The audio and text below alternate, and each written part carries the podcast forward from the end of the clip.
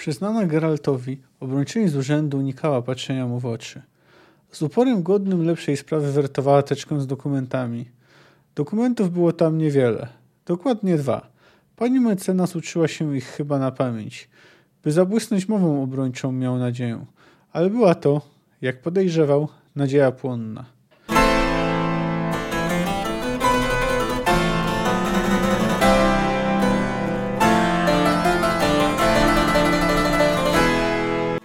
Cześć, jestem Kamil K., a Ty słuchasz mojego podcastu Fantastyka Krok po Kroku.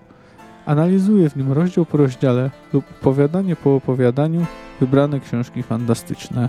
Zapraszam.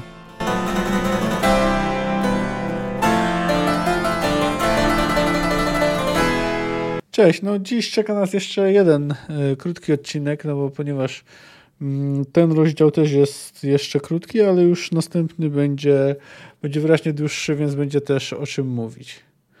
No to jak pamiętacie, poprzedni rozdział skończył się tym, że y, Geralt, y, chociaż miał właśnie zjeść coś w wykwintnej restauracji, to zamiast tego został aresztowany.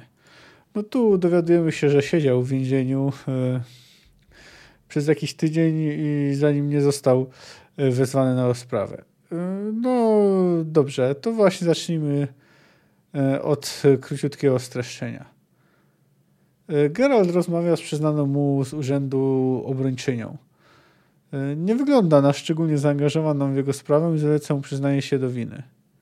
Dowiadujemy się też, że Wiedźmin wcześniej pobił współwięźniów, gdyż e, chcieli wykorzystać go seksualnie. No co ciekawe, sędzia też jest kobietą. Geralt jest oskarżony o to, że zawyżał kwoty zleceń, tym samym okradając skarb korony. Dowodem na to jest jedno doniesienie. Geralt, ponieważ pani mecenas nie bardzo angażuje się w jego aktywną obronę, wygłasza całkiem niezłą y, mowę obrończą. No niemniej sędzia i tak wyznacza poręczenie majątkowe w wysokości 500 koron nowigradzkich, więc y, no cóż, więc no Geralt Y, perspektywy Geralta na wyjście z więzienia nie są y, zbyt duże. To w zasadzie jest tyle.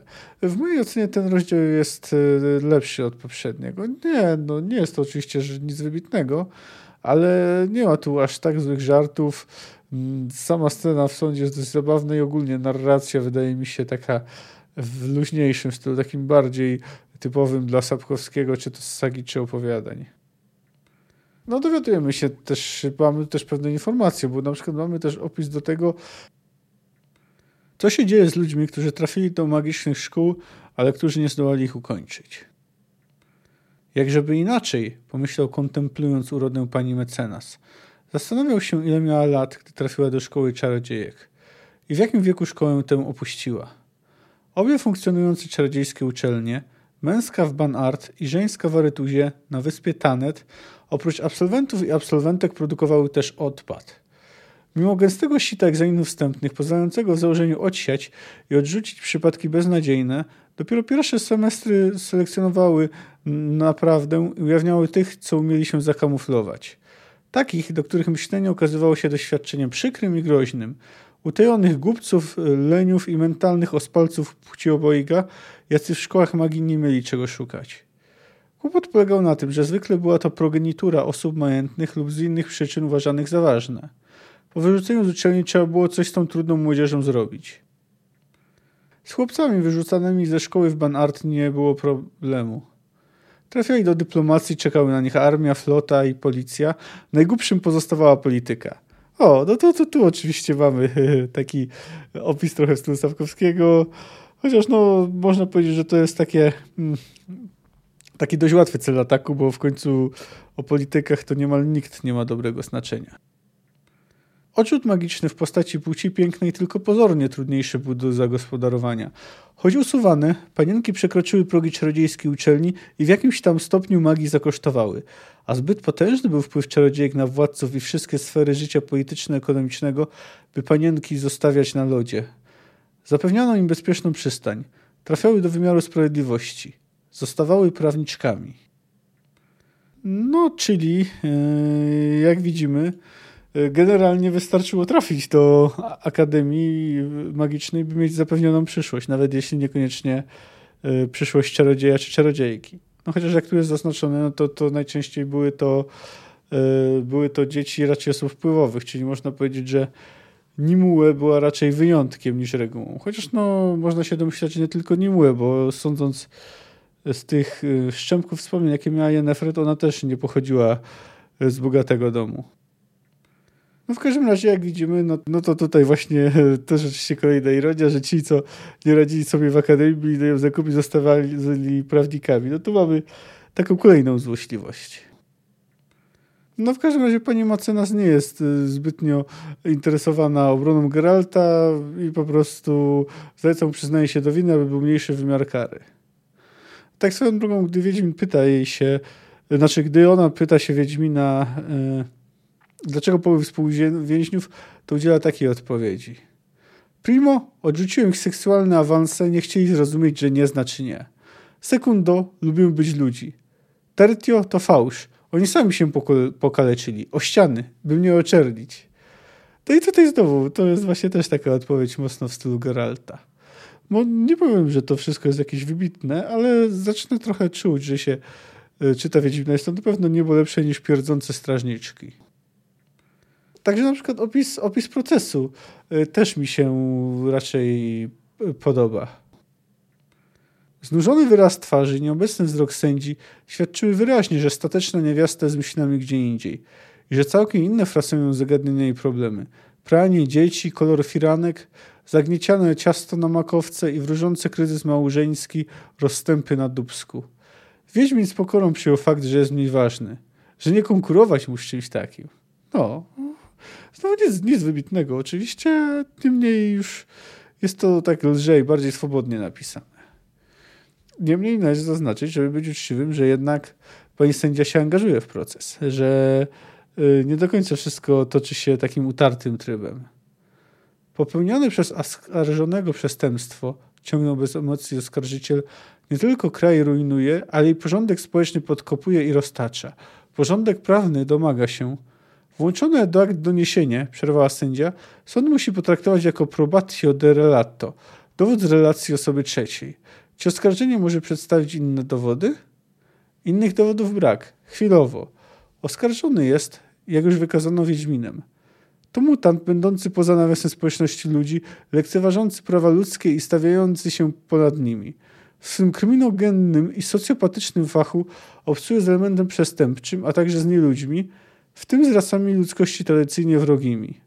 Łamanie prawa Wiedźmin ma w swojej nihilistycznej naturze. W przypadku Wiedźmina, Wysoki Sądzie, brak dowodów jest najlepszym dowodem. Dowodzi perfidii oraz... Czy oskarżony? Sędzi najwyraźniej nie ciekawiło, czego jeszcze dowodzi brak dowodów. Czy oskarżony przyznaje się do winy? No tu oczywiście znowu mamy groteskę. No wiemy oczywiście, jak funkcjonuje Kerak.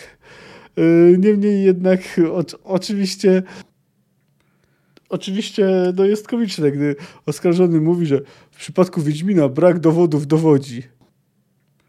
No a Geralt całkiem udaje się broni tak na marginesie. Nie przyznaję się. Geralt zlekceważył rozpaczliwe sygnały pani mecenas.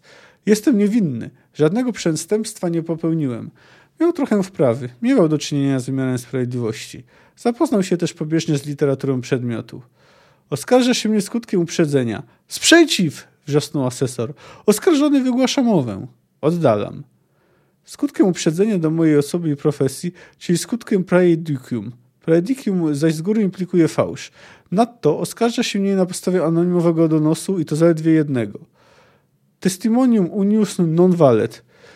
Testis unus, testis nullus. Ergo to nie jest oskarżenie, lecz domniemanie, czyli preasumptio.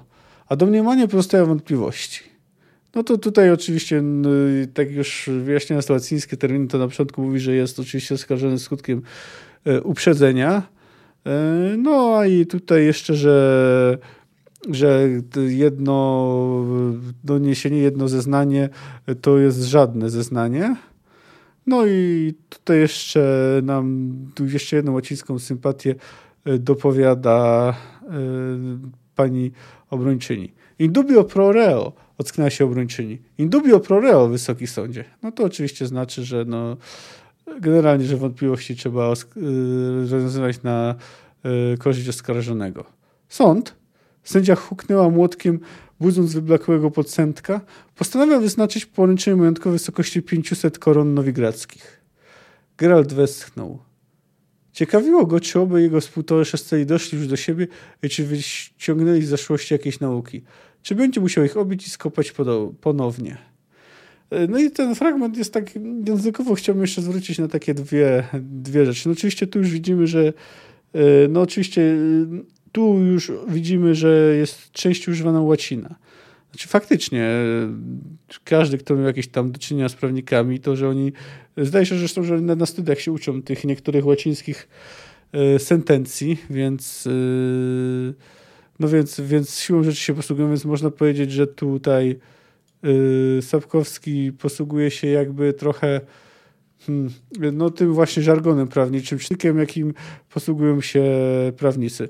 No tutaj wam jeszcze podkreślę, że te, to, to, to co ja tutaj zrobiłem, to nie było dosłowne y, tłumaczenie, ale tylko po prostu znaczenie tych, y, no nazwijmy to, sentencji Y, no to jeszcze teraz, y, jeszcze druga rzecz językowa, to chciałem zwrócić uwagę na feminat, feminatyw, y, czyli słowo obrończyni. No chociaż tu można powiedzieć, że raczej, no chociaż generalnie jakby się powiedział obrońca o kobiecie, to chyba by nie, nie wywołał jakichś wielkich kontrowersji. W każdym razie, jak widzimy, w 2013 roku Sobkowski zastosował feminatyw tam, gdzie niekoniecznie musiał. To jest zresztą bardzo ciekaw, jestem bardzo ciekaw, czy polski język dalej pójdzie w, do, w stronę dokładania feminatywów, czy, czy może raczej odwrotnie, ponownie się będzie z nich wycofywał. Jeszcze tak już powoli. Aha, jeszcze a propos tej łaciny, przepraszam. Taka jeszcze jedna refleksja. Oczywiście tu, ona raczej tutaj pełni taką rolę yy, takiego bardziej elitarnego języka, dlatego na przykład posługiwali się nim też yy, królowie, bo pewnie pamiętacie, że jak, jak tam były te negocjacje co do tego, że Kedwin powinno oddać zagarniętą ziemię, to Henselt powiedział, żeby pokazać, że jest wykształcony non possumus. Y, no ale mm, to chyba nie jest dosłownie łacina, tylko język, jakim posługuje się w tym świecie. Chociaż gdyby to była faktycznie łacina, to jeszcze można by to interpretować jako dowód, że no, przynajmniej część przybyłych po koniunkcji sfer to przybyło tutaj dosłownie z ziemi. No ale gruncie rzeczy tutaj dla naszej historii nie ma to większego znaczenia. No i tak jeszcze na koniec to cytat poprzedzający rozdział. E, Za to, żeby miał się obawiać wyroku, gdy nic nie czynił niesprawiedliwego.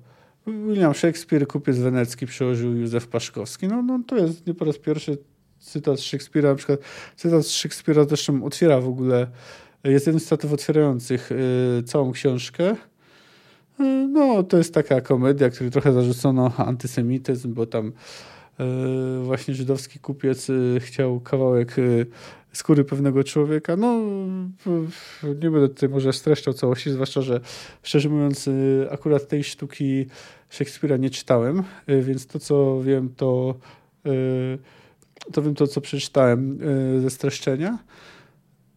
No, w każdym razie tutaj ten cytat akurat można uznać za dosłowne odniesienie się do y, treści rozdziału. No i tak, no i to chyba na tyle. No powiem tak. Y, ten rozdział jest y, lepszy niż, niż poprzedni. Moim zdaniem, może nie zdecydowanie, wyraźnie lepszy. Ale też no, nie jest to oczywiście jakieś dzieło sztuki. Po prostu trochę bardziej czuć tutaj styl Wiedźmina i Geralt wydaje się być, y, być bardziej, hmm, bardziej taki jakby to nazwać, naturalny, to znaczy nie, może nie naturalny, bo Geralt nigdy nie jest naturalny. Taki bardziej nazwałbym to tak właśnie Geraltowy. To znaczy w tym przypadku nie chodzi mi o to, że użala się nad sobą, tylko że jest bardzo często jest taki ironiczny. No, I, I przy okazji pokazuje się oczywiście, jak to zwykle pokazuje swoje wykształcenie. No ale to, że jest bardziej wykształcony niż przeciętny Rembajła, to, to wiemy od dawna. No to to było na tyle. Za tydzień rozdział będzie ciut dłuższy, choć bez przesady. No i na przykład spotkamy ponownie naszego znajomego poetę, czyli Jaskra. Do usłyszenia za tydzień. Cześć.